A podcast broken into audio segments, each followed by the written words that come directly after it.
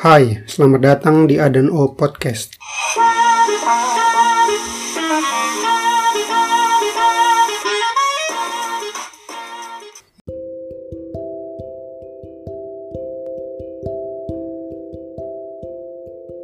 Setiap tanggal 21 Februari diperingati sebagai Hari Bahasa Ibu Internasional. Tahun ini Indonesia bersama dengan UNESCO dan Frankofoni menjadi panitia perayaan Hari Ibu Internasional 2023 yang diselenggarakan di UNESCO Headquarters di Paris. Hari Bahasa Ibu Internasional atau yang dikenal luas dengan International Mother Language Day atau IMLD kali ini bertema melindungi bahasa lokal untuk mempromosikan multibahasa melalui transformasi pendidikan. Berbicara mengenai pelindungan bahasa lokal, dalam hal ini bahasa ibu, saya teringat dengan Gyuri seorang tukang cat dan solopreneur ulet yang belum lama saya kenal beberapa waktu lalu di sela-sela pekerjaannya mengecat tembok kantor tempat saya bekerja. Kyuri memiliki perusahaan yang menyediakan layanan jasa pengecatan dan pekerjaan bangunan lainnya. Dia adalah pribadi yang supel, senang ngobrol, namun di saat yang sama dia juga menunjukkan ketertarikannya yang sangat tinggi untuk belajar dan mengenal hal-hal baru.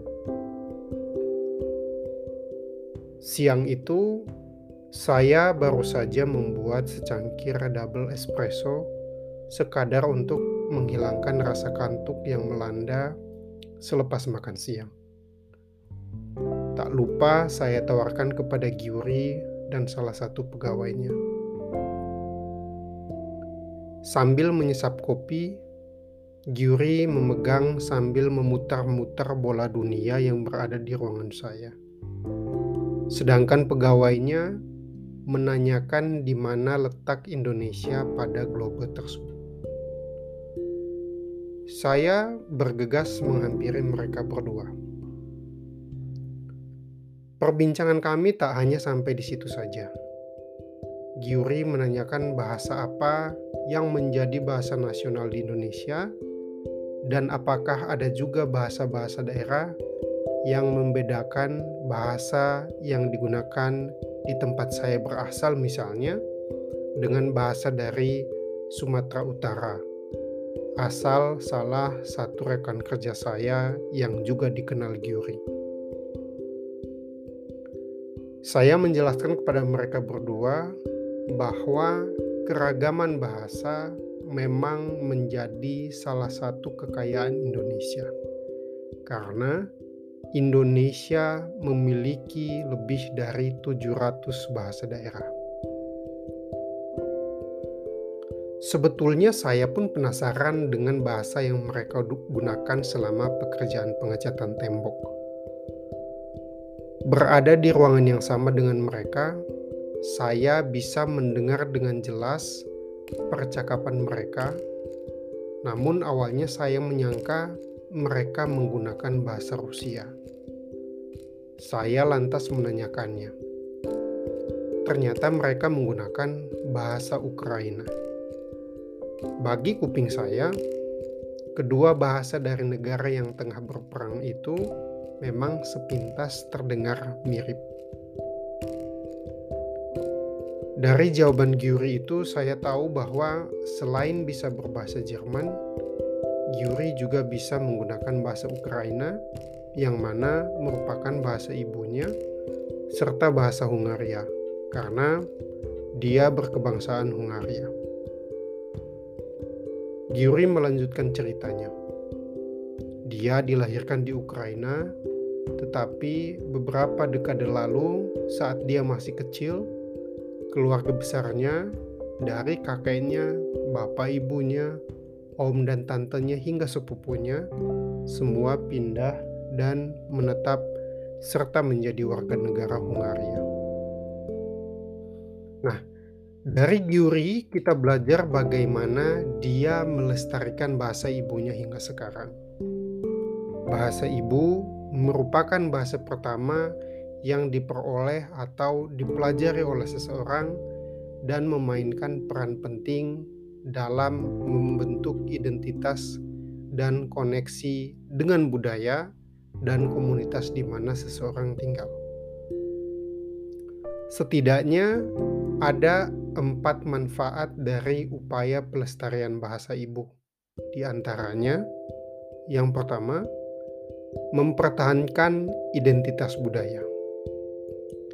Giuri menyadari bahwa bahasa ibunya, yaitu bahasa Ukraina, merupakan bagian penting dari identitas budayanya. Bahasa Ukraina membantu dia merasa lebih terhubung dengan akar budaya dan sejarah nenek moyangnya yang berasal dari Ukraina. Yang kedua, meningkatkan kemampuan belajar. Penelitian menunjukkan bahwa anak-anak yang menguasai bahasa ibu mereka cenderung lebih sukses dalam pembelajaran bahasa lain dan dalam bidang akademik lainnya. Bahasa ibu membangun fondasi linguistik yang lebih kuat dan membantu anak-anak memahami konsep-konsep yang bersifat abstrak. Yang ketiga, meningkatkan komunikasi. Bahasa ibu juga memungkinkan seseorang untuk berkomunikasi dengan komunitas mereka, baik itu dalam keluarga, dalam lingkungan pertemanan, dan komunitas lokal. Dan yang keempat, memperkaya keanekaragaman bahasa. Dengan melestarikan bahasa ibu, kita membantu menjaga serta tetap memperkaya keanekaragaman bahasa yang ada. Terima kasih karena sudah mendengarkan episode ke-61 ini hingga tuntas. Adan O Podcast akan kembali hadir dua minggu lagi dengan episode terbaru yang masih akan membahas tema seputar penerjemahan, kepenulisan, dan perkembangan berita-berita terkini.